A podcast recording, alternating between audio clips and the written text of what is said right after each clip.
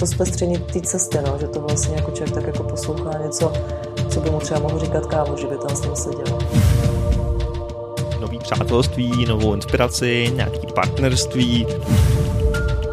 A v ten okamžik jsem pochopil, co ti chlapi mysleli, když říkali, že si mám vyřešit akustiku místnosti. Ahoj, vítejte u dalšího podcastu Téma Dana Držela a mým dnešním tématem, který rozberem, jsou podcasty.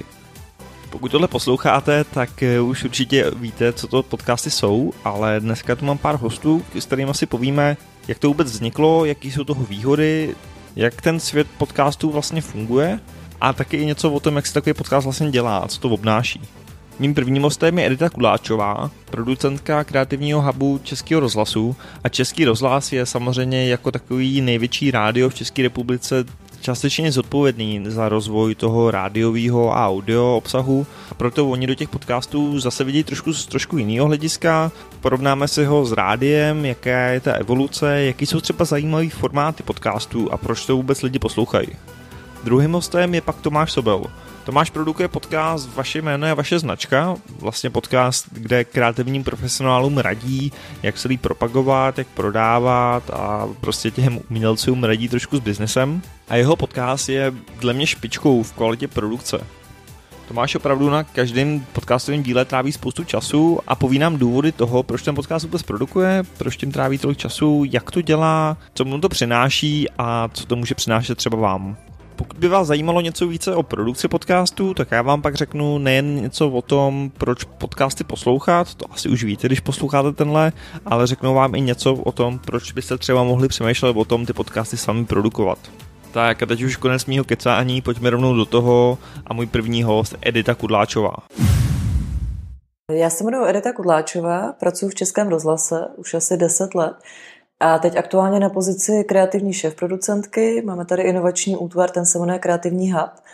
Takže pracuji vlastně poslední tři roky na tom, jak dál s audiem, rádiem, inovace, obsahu vlastně pro rádio jako takový. Když se někdo zeptá, co je to podcast vůbec, jak to třeba lidem jako vysvětlujete?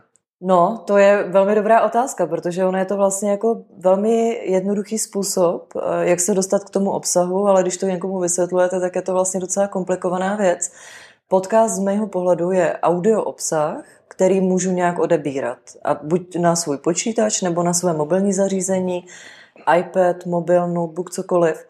A v momentě vlastně, kdy se přihlásím k odběru toho audia, to znamená, že tam je nějaký, nějaký typ pořadu, který mě zajímá a každý den, týden, měsíc, 14 dní mi přijde nějaký nový soubor, tak si ho poslechnu. A to znamená, že vlastně já ho nemusím pořád vyhledávat, chodí ke mně automaticky a, já si vytvořím nějaký návyk na to, abych pravidelně vlastně ten obsah nějakým způsobem do toho dne zařadila a poslouchala. Jak ty podcasty používáte třeba tady v Českém rozhlase? Tak pro nás podcast je forma distribuce audio obsahu, protože my samozřejmě vysíláme spoustu hodin, tisíce hodin každý týden napříč všemi stanicemi a všemi projekty.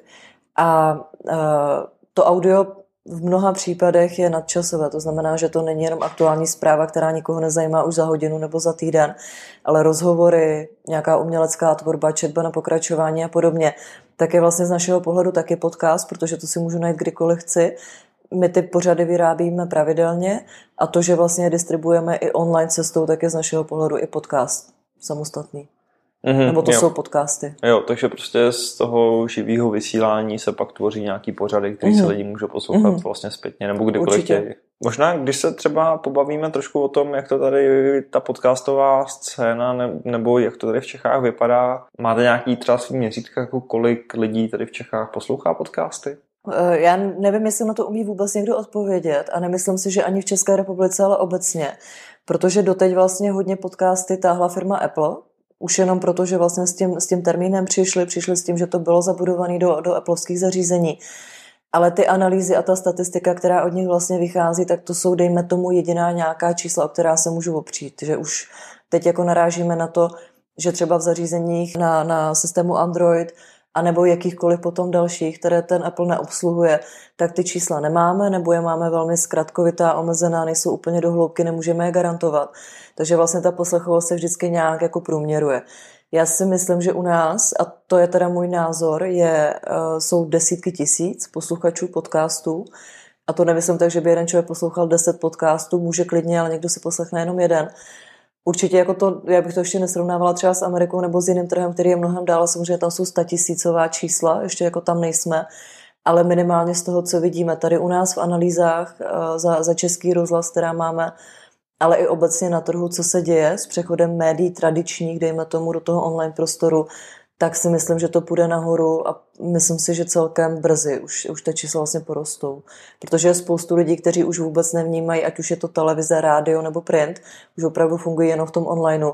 A pro spoustu lidí si myslím, že ten obsah na vyžádání, kdy chci, kde chci, na jakém typu zařízení ho chci a v tu denní dobu, ve kterou já ho chci, tak je už úplně automatická volba. Že už to vlastně nepovažuji za to, že by to byl nadstandard, ale opravdu už podle mě v tom onlineu to považuji za naprostou samozřejmost, jako ráno na to nemám čas, ale rád bych si ten rozhovor poslechl, tak se k němu vrátím v 10 večer, když pojedu autem a chci ho mít dostupný. A to si myslím, že vlastně ten online tady v tomhle tom je drive na to, aby opravdu se to jako hodně, hodně posouvalo dopředu. Jasně. Mě úplně napadlo vlastně, že podcasty jsou pro rádio něco jako YouTube pro televizi. Vlastně, mm, jako... Mm nějakým způsobem. No, určitě. Asi jako, já si myslím, že ta paralela sedí, že to je, že to je vlastně hodně dobrý srovnání. Rádio, já si nemyslím, že by rádio za rok, za pět nebo za deset let zaniklo. To podle mě jako pořád bude velká skupina lidí, která, která bude zvyklá na, na rádio a, a bude ho chtít mít ať už jako kulisu nebo jako zdroj zpravodajství primárně. Neumím si představit zpravodajský podcast, který bude vždycky aktuální, protože ty zprávy prostě se mění a jsou velmi rychlí. A pro nás je to primární nebo jeden z primárních obsahů, který vysíláme. Ale určitě jako, tak jako u YouTube je spousta nezávislé produkce, je tam svoboda toho, co si tam nahraju, samozřejmě je tam nějaká regulace, aby ten obsah nebyl jakkoliv závadný a děti a tak dále, ale můžu si v podstatě vytvořit, co chci, je tam spousta amatérské produkce, tak to si právě myslím, že i ten podcast, vlastně ten podcastový trh a ta výroba toho podcastu nabízí.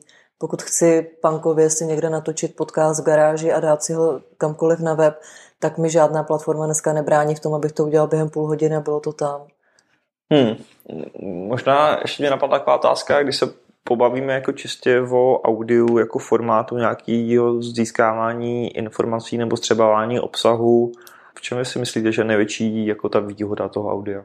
Já teď budu mluvit jako hodně sama za sebe, no, protože jasně. já mám podcasty ráda hodně a hodně dlouho a já jsem předtím hodně poslouchala rádio a teď to opravdu mám tak, že cokoliv za den nestihnu si poslechnout, tak si to poslechnu večer nebo ráno to je pro mě obrovská výhoda toho, že nemusím někde hledat, dohledávat a googlovat a tak dále, jakože si to opravdu můžu někam, někam do mobilu takhle jako zapsat a ono mi to potom samo chodí. Ale přijde mi i ta pestrost té nabídce jako velmi zábavná, že mě baví, někdy mě baví rozhovor, někdy mě baví recenze na knížky, někdy mě baví uh, třeba pořád nějaký investigativní formát nebo dokument.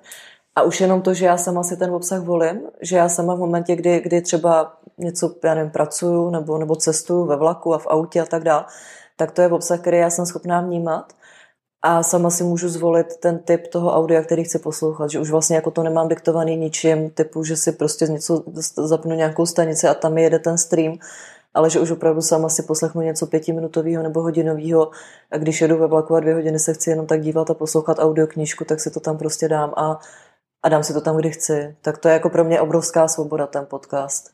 Je vlastně zajímavý, že audioknižky jsou podle mě jako furt o krok jako napřed třeba v Čechách, že, že tady poslouchá relativně hodně lidí audioknižky mm. a ty podcasty jsou furt tak jako trošku v pozadí mm. a, a ne každý o tom ví. No. Mm.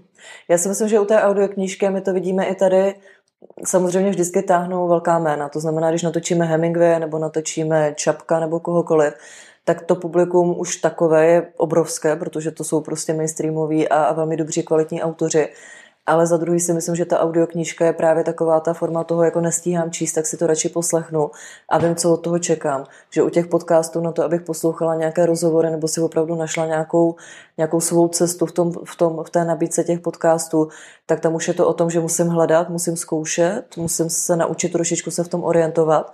A určitě je to jiný typ toho hledání, než když si řeknu, chci Karla Čapka a nestíhám si ho přečíst do školy, tak si ho radši poslechnu. Ale myslím si, já pořád tomu věřím a jako na okolí, protože já jsem celkem propagátor podcastu mezi kamarádama a svým okolím. A cokoliv jako si doporučujeme, jakože teď už mám kamarády a kamarádky, které mě sami doporučují podcasty, protože už to taky nestíhám všechno sledovat a poslouchat, tak mám pocit, že v momentě, kdy už se na to člověk zvykne a už si v tom najde takovou tu cestu, jak to hledat a jak třeba jako si poslechnout pár dílů a dát tomu tu šanci, tak jako zdrtivá většina vlastně lidí kolem mě, kteří třeba dva roky zpátky vůbec netušili, co to je, tak dneska už mi úplně automaticky píšou, to se mi líbilo, to si poslechni, super díl. A že to je opravdu jenom o tom, jako být proaktivní na tom začátku a hledat. Jako já jsem taky, když jsem vlastně s tím začínala, že on si to člověk hodí do Google a věde mu tady stovky různých názvů, hlavně v angličtině, pokud jako člověk dokáže poslouchat v té angličtině, ale v momentě, kdy se v tom zorientuju a, a vím, že ráno si poslechnu rozhovor a večer si poslechnu dokument, tak si myslím, že ta nabídka už začíná být pestrá a využít prostě toho, že ten internet to nabízí, tu souboru v tom, jako si to vybrat. Mm-hmm. A právě ještě jste říkala, že posloucháte různý podcasty, napadne vlastně třeba nějaký zajímavý inovativní formát, něco, co by bylo jako úplně jiný než já si myslím, že spoustu lidí si představí nějaký rozhovor mm. nebo takový ty jako klasický nejběžnější mm. formy, tak eh, mě zajímalo třeba typy na nějaký, na nějaký jako jiný audio zážitky. Mm. Uh, no, uh, já bych asi jako tady v tom případě musela sáhnout do té anglické produkce, protože hmm. se obávám, že v češtině zatím jako tolik pestrosti není, nebo, nebo ta inovace. Um, já obecně mám ráda jenom nějaký druh rozhovoru, jako nejsem úplně jako posluchač, který by vlastně poslouchal jenom rozhovory. Já teda za sebe, ale to je opravdu jako moje nějaká osobní uh, volba. Já mám ráda uh, rozhovory, které dělají dejme tomu jako takový nezávislejší typy lidí, jo, že, že to jako úplně není novinařina. A ať je to o nějakém životním stylu, anebo je to o, nějaký, o nějakým přístupu k tomu životu, tak mě hodně baví vlastně ten podcast v momentě, kdy to opravdu dělá nějaký jako člověk, který ho to zajímá, to téma, spíš jako než by to měl v uvozovkách zadaný. Ale pokud se, pokud se bavíme o nějaké inovaci, Třeba v Británii teď je docela vtipný podcast, není to teda úplně inovativní formát v tom, jak je to natočený, ale to téma mi přijde zajímavý, který se jmenuje Beef and Dairy a je to opravdu o hovězí produkci a o výrobě mléčných výrobků. A to natočil, nebo to každý týden to natáčí uh, nějaký komik uh, ve Velké Británii, který právě tím, jak je teď obrovský trend, jako je mlíko zdraví a není zdraví a co dobytek a jak ho pěstujeme a týráme ty zvířata nebo netýráme, když je máme na farmě někde, tak on každý týden vlastně točí něco, jak jako žijou krávy a jak to mlíko vzniká. A je to velmi zábavný, je to strašně rostomilý, ale zároveň je to vlastně něco, co je úplně aktuální, protože je to z denního života, on si nehraje na žádného věce, jezdí po těch zemědělcích, vlastně tam má i nějaký zvuky jako z té farmy a tak dále. A vím, že to i vlastně za loňský rok, tak to bylo v Británii hodnocený jako nejvtipnější podcast, protože to je něco úplně běžného a úplně denního a vlastně o tom člověk moc nepřemýšlí, ale jenom tím, že on to téma úplně oprášil a nedělá z toho nějaký jako jest zeleninu, protože je zdravá, ale fakt se dívá na to, jestli ta kráva je šťastná, když tam někde stojí na poli, tak, tak to mi třeba přijde jako hezký přístup k tomu tématu, že to je něco úplně jako odinut, ale vlastně mě to docela baví v tom, že to po mně nic moc nechce jako nějakou náročnost na ten poslech. Mě to úplně připomnělo vlastně s tou nezávislostí, že já občas třeba rád poslouchám podcast Hardcore History mm-hmm. od, mm-hmm. od Dana Carlina, což mm-hmm. jako taky není žádný historik, ale mm-hmm. je to mhm. prostě jenom fanoušek mm-hmm. historie, mm-hmm. že jo? Mhm. Člověk, který si prostě načte mm-hmm. 20 knížek o tématu a pak mm-hmm. to vypráví, jak si tak nějak ty různý zdroje mm-hmm. dal dohromady a, a je pravda, že tohle je možná taky to kouzlo těch podcastů, mm-hmm. že, že člověk vlastně nemusí být nějaký mm-hmm nějaká oficiální autorita v tom, mm. ale může si to udělat jak chce a pokud si to najde to své publikum, tak já si právě myslím, a podle mě to je i jako možná, proč to, ten podcast je jako nahoru v té oblibě u, těch, u toho publika, nejenom teda u těch výrobců toho podcastu, tak je právě ta neformálnost. A mě samotnou to v tom baví, že mě baví vlastně, když ten člověk je úplně upřímný. Já třeba docela ráda, ne teda úplně pravidelně, ale poslouchám podcast o Prach Winfrey, která má svůj vlastní podcast, to jsou rozhovory, to nic jiného není. Ona tam má zajímavý lidi, kteří jí přijdou zajímaví to znamená, že já když už jako jdu, jdu a poslouchám ji, tak vím, co od toho čekám, že to je nějaká, nějaká skupina lidí, která, která ona se tam zve a vybírá.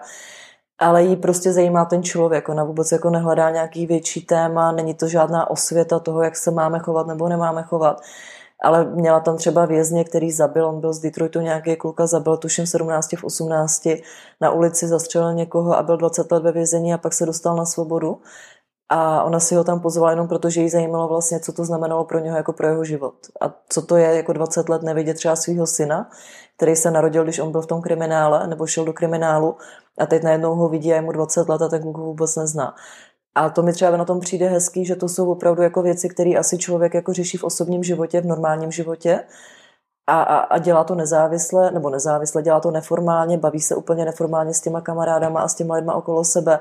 A ten podcast vlastně zní tak, jako kdyby vám někdo něco říkal jako kamarádsky, že to není takový to diktování nějakých jako faktů, ale že to je opravdu jako velmi, velmi střícný a kamarádský nějaký povídání. A to třeba mě osobně na tom baví. Obzvlášť opravdu, když jsem sama a, a třeba jedu tím autem a nebo jedu tím vlakem, tak mám pocit, že to je taková ta, to, to zpestření té cesty, no, že to vlastně jako člověk tak jako poslouchá něco, co by mu třeba mohl říkat kámo, že by tam s ním seděl. Jo, to je pravda, že já jsem na to taky přišel a přesně se třeba svý podcasty snažím dělat jako stylem, aby ten posluchač jako měl pocit, že, že prostě sedí s námi někde u piva mm, a že mm, jako jenom mm, poslouchá vlastně, mm, jak se jako mm, lidi dva lidi mm, baví. Mm, Což no, je asi toto. No, já si myslím, že přesně jako teď, jak jste to řekl, já to přesně mám tak, že mě baví podcasty lidi, se kterými bych chtěla jít na pivo. Jo, že když jako poslouchám, já mám třeba, a to je opravdu jako velmi malý podcast, to dělá jeden kluk z Holandska, a on má rád uh, takový ty lidi, kteří žijou trošku na okraji, jako surfaře a, a, a lidi, kteří třeba odešli žít někam do džungle. A mě to docela baví v tom, že vždycky si říkám, jako když už ten člověk to třeba dělá 20 let, jako co mu to ještě pořád dává. A toho kluka to jenom baví, jako od toho vůbec nic nečeká, prostě se s těma lidma takhle rád setkává, tak to natočí, hodí to někam na web. Má pár stovek, možná tisíc posluchačů, ale to je přesně ten typ člověka, který, jako když si říkám, jako s ním by bylo jako super sedět u piva a vlastně se s ním o tom bavit, Teď tu možnost nemám, třeba jednou se někde potkáme, kdo ví, ale minimálně vlastně tím, že ho poslouchám každý týden nebo každý 14 dní, tak je to přesně taková ta neformalita, že mám opravdu pocit, jak kdybych seděla jako s nějakýma dalšíma dvouma lidma u piva a poslouchala, jak si povídají. A to třeba mě jako, nemyslím, jako, mám pocit, že to je drtivá většina eh, lidí vlastně, že má v oblibě ten podcast právě tady proto. Ale jsou určitě lidi, kteří rádi poslouchají audioknížky a jsou určitě lidi, kteří rádi poslouchají jako nějaký hluboký rozhovory o, o ekonomice a o politické situaci a o zahraniční politice a tak dále. Tam si fakt myslím, že ten, že ten online a ta pestrost těch tématů úplně vybízí k tomu si to hledat. Ale třeba moje preference je opravdu, jak říkáte, jako, já, jako to je člověk, se kterým já chci napivo a chci se s ním o tom bavit, o tom jeho životě a nemůžu, ale aspoň jako vlastně to vnímám takhle. Super. Já jsem někde četl, že podle nějakých výzkumů snad lidi, co poslouchají podcasty, tak v průměru jich poslouchají asi pět nebo mm. třeba odebírají, mm. takže, takže mm. je to asi přesně, jak jsme se bavili, mm. no, že člověk si zrovna pustí, na co má chuť, mm. nebo náladu. No. A já si myslím, že když jako si já to vidím třeba u sebe jako v momentě, kdy mám nějaký normální den, to znamená, nejsem na dovolený, nebo není víkend, kdy třeba jsem někde jako v přírodě nebo někde na horách tak v tom normálním dni, že tam si dokážete vystupovat přesně ty momenty, kdy jste uh, schopný poslouchat audio nějaký obsah. A není to hudba, protože tu hudbu samozřejmě můžete vnímat jako kontinuálně klidně celý den. A u mě ty momenty jsou ráno, jsou, jsou uh, ta doprava, jakákoliv doprava kamkoliv. A potom večer. A mě teda můj případ je jako pozdě večer, to znamená, že třeba nějakou půl hodinu, hodinu kolem 11. večer, tak, tak to je přesně ta doba, kdy už jako nechci žádný rozptilování a, a žádný prostě vizuální nějaký jako podněty. A buď si čtu, nebo čtu cokoliv, a nebo, nebo poslouchám. A v momentě, kdy jako tady do toho si jako dobře ty podcasty vyberete, tak si přesně myslím, že ty 4, 5, 6 jako za ten týden vlastně úplně automaticky si poslechnete a každý může být úplně jiný a já taky poslechnu si jednou nějaký rozhovor, jednou recenzi, jednou třeba nějaký příběh ale vlastně mi to tak jako úplně plynule navazuje do té situace, kdy já jsem jako v tom dni. Takže tohle byla Edita Kudláčová z Českého rozhlasu. Já doufám, že vám to dalo zajímavou inspiraci na různé typy podcastů a opravdu ten hlavní point byl, že podcasty může dělat v podstatě každý. Já mám taky nejradši podcasty od lidí, s kterými bych se prostě chtěl potkat na kafe nebo na pivo a i vy si můžete vytvořit svůj vlastní podcast. Já bych vám chtěl říct pár důvodů, proč třeba uvažovat o vytvoření vlastního podcastu. Je to samozřejmě něco, co si může udělat každý z nás a tady je pár benefitů. Takovým prvním důvodem je, že díky podcastu můžete být součástí někoho života. Často ty lidi poslouchají podcasty přesně ať už při cestě tramvají, nebo při cvičení, při běhání, při vaření, prostě při nějaké aktivitě a do toho něco poslouchají. Díky tomu ta pozornost toho posluchače nemusí být zaměřená úplně na nějakou vizuální stránku věci, na nějaký video a vy si tak můžete dovolit předávat informace v mnohem delším formátu, lidem fakt něco hodnotného říct a nemusíte se limitovat tím, že se to musí vejít do krátkého Instagram stories nebo tříminutového YouTube videa. Další důvod je, že v podcastech je stále poměrně malá konkurence. Ačkoliv v Americe, jak jsme se bavili, nebo v západní Evropě ty podcasty už jsou relativně rozvinutý, v Čechách to stále teprve přichází A pokud vás něco baví, v tuhle chvíli velmi snadno můžete vytvořit nejlepší podcast na to téma. Teď jenom nadhodím, pokud vás baví skateboarding, pravděpodobně můžete vytvořit nejlepší podcast, kde si povídáte s českýma skejťákama.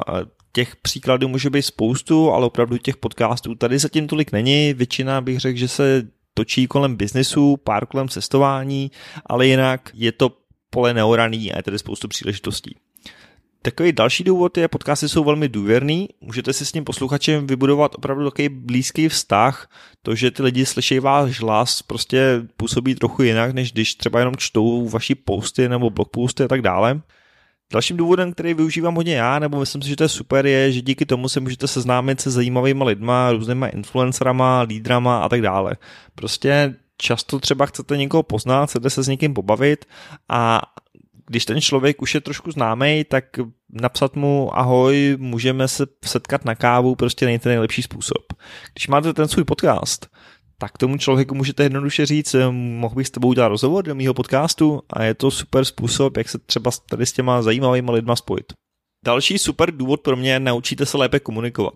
Jak slyšíte, ani já nejsem žádný rádiový řečník, ale ten podcast a to, že se pak třeba slyšíte, vám rozhodně pomůže líp komunikovat, budete si vědomí těch chyb v mluvení, který děláte a naučíte se ptát na lepší otázky, pokud děláte podcasty s hostama, což si myslím, že je velmi dobrá schopnost nebo takový skill, který v životě využijete.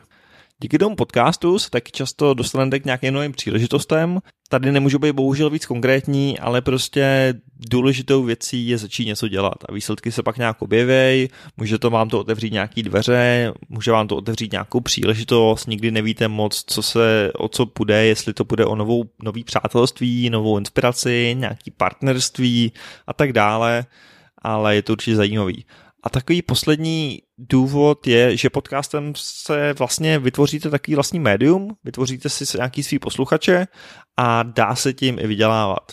Neřekl bych, že by to měl být váš primární důvod, proč podcasty tvořit, protože přece jenom s tím, jak jsou podcasty stále v Čechách malý, tak asi nebudete vydělávat nikdy tolik jako nějaký slavný youtuber, tak daleko to bohužel není ale dá se na podcastech vydělávat, ať už tím, že tam máte třeba nějakou reklamu, dá se tím vydělávat tím, že tím třeba propagujete nějaký svůj produkt, nebo že máte nějaký partnerství s někým a někoho tam doporučíte. V zahraničí funguje to, že ty podcasty vydělávají na příspěvkách od posluchačů. To bylo jenom pár důvodů, proč byste možná mohli začít s podcastama, nebo byste o tom třeba mohli přemýšlet. Pokud třeba hledáte nějaký kreativní projekt, který dělat mimo školu nebo mimo práci, já si myslím, že tohle je super věc, jak dát něco zajímavého do světa, něco vašeho, něco, na čím máte plnou kontrolu.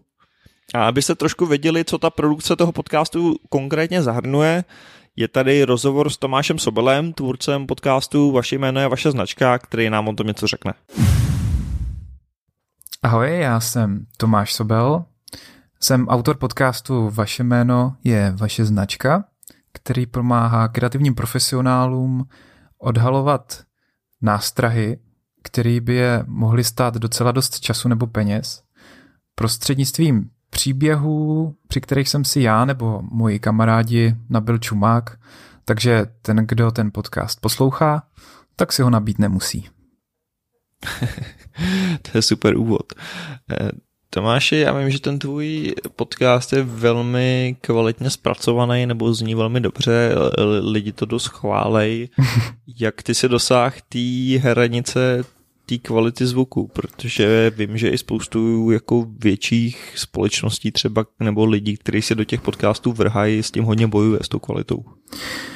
Já už jsem docela starý a na internetu jsem od doby, kdy žádný český věci neexistovaly kdy internet byl v České republice maximálně na vysokých školách. A v tu dobu jsem pochopil, že se musím naučit anglicky, abych byl schopný vůbec něco konzumovat, co na tom internetu existuje. A to tak nějak v průběhu času se vznikem těch podcastů způsobilo, že jsem začal poslouchat anglický podcasty.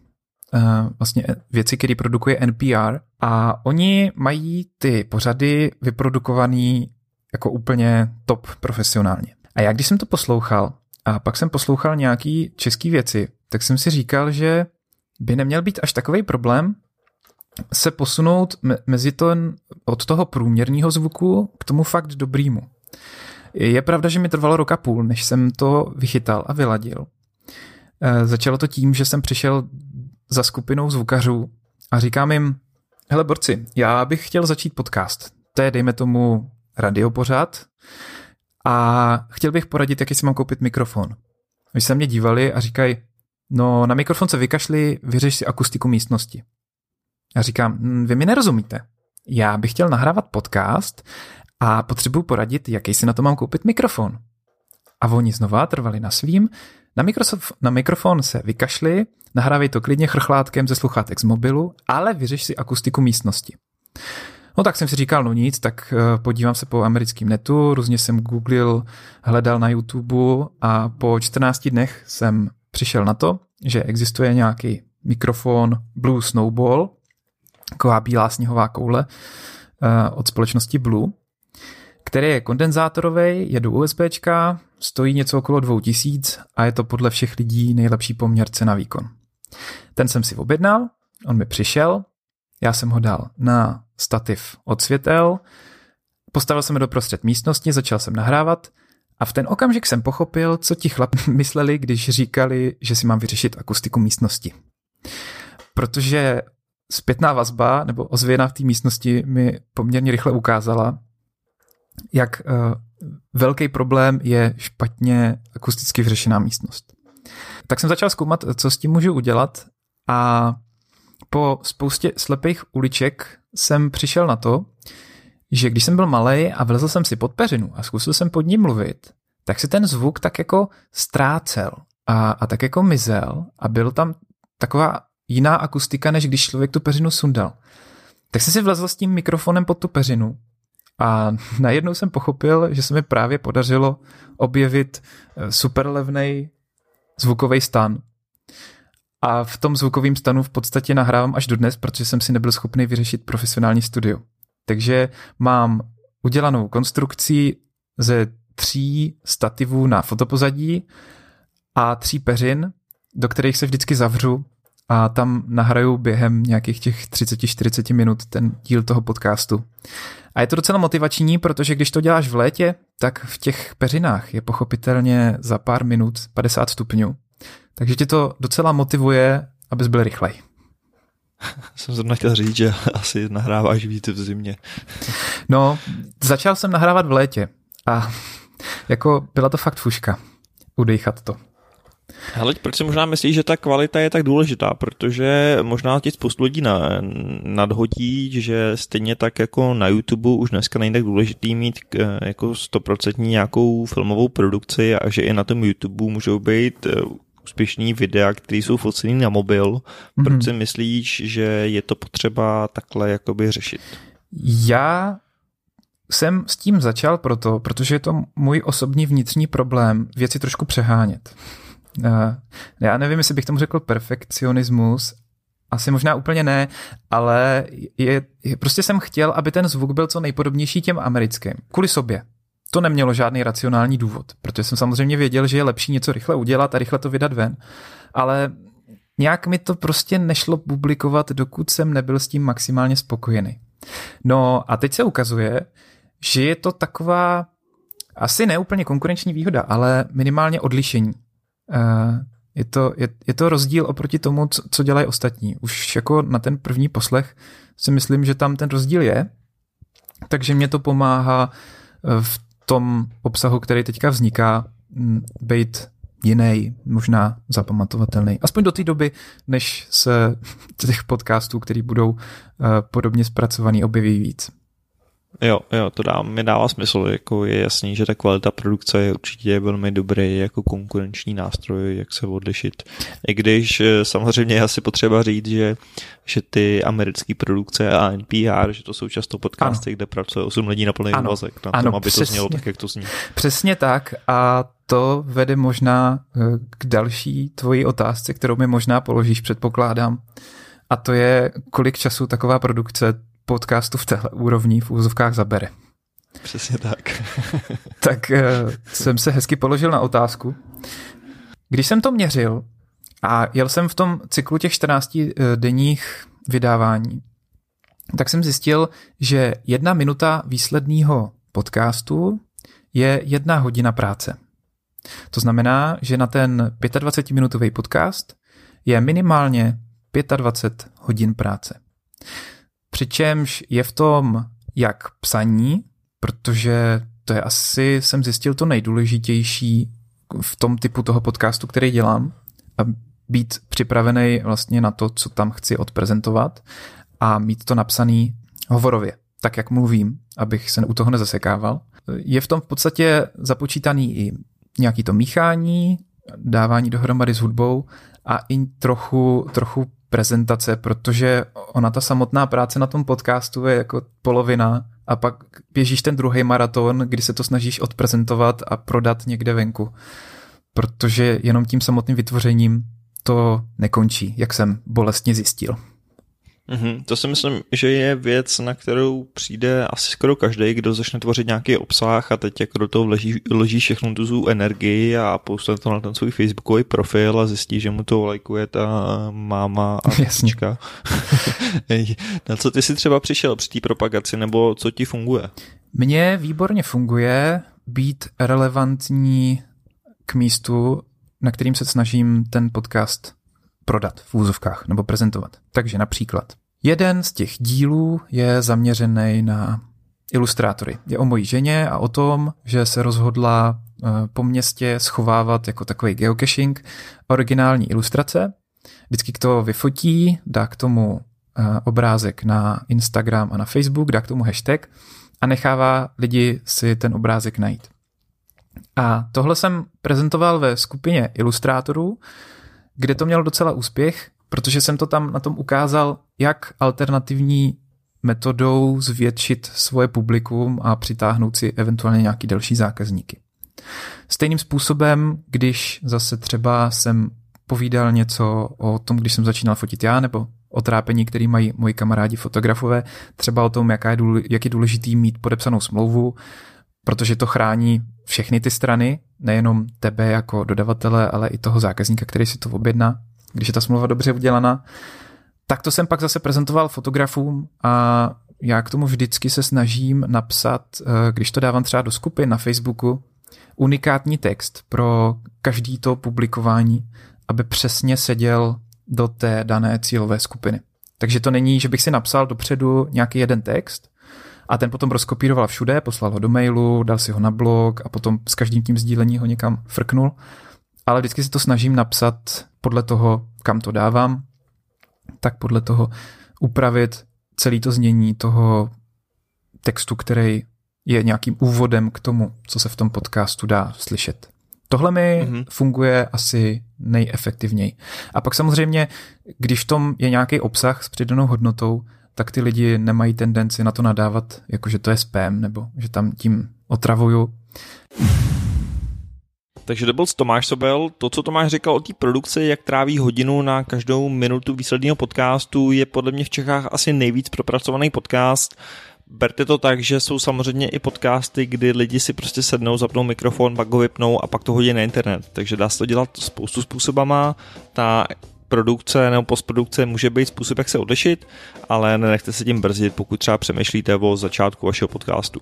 Druhý velmi dobrý bod podle mě bylo, že tak práce vlastně nekončí tou produkcí toho podcastu, ale je pak potřeba to trošku někam rozšířit mezi lidi a starat se trošku o tu propagaci. Takže to byl dnešní podcast na téma podcastu, takový metapodcast, já vím. Doufám, že vám to trošku objasnilo, co to podcasty jsou, jak byste je mohli třeba využít, dalo vám to nějakou inspiraci, jaký formáty podcastů existují a vůbec jaký podcasty třeba existují, ať už v Čechách nebo v zahraničí. Já si myslím, že to je super způsob, jak šetřit čas nebo ten čas efektivně využít, jak se třeba zlepšit v angličtině nebo v cizích jazykách, prostě tím, že to posloucháte. Dejte mi určitě vědět, co si o tomhle podcastu myslíte na web podcast.redbull.cz.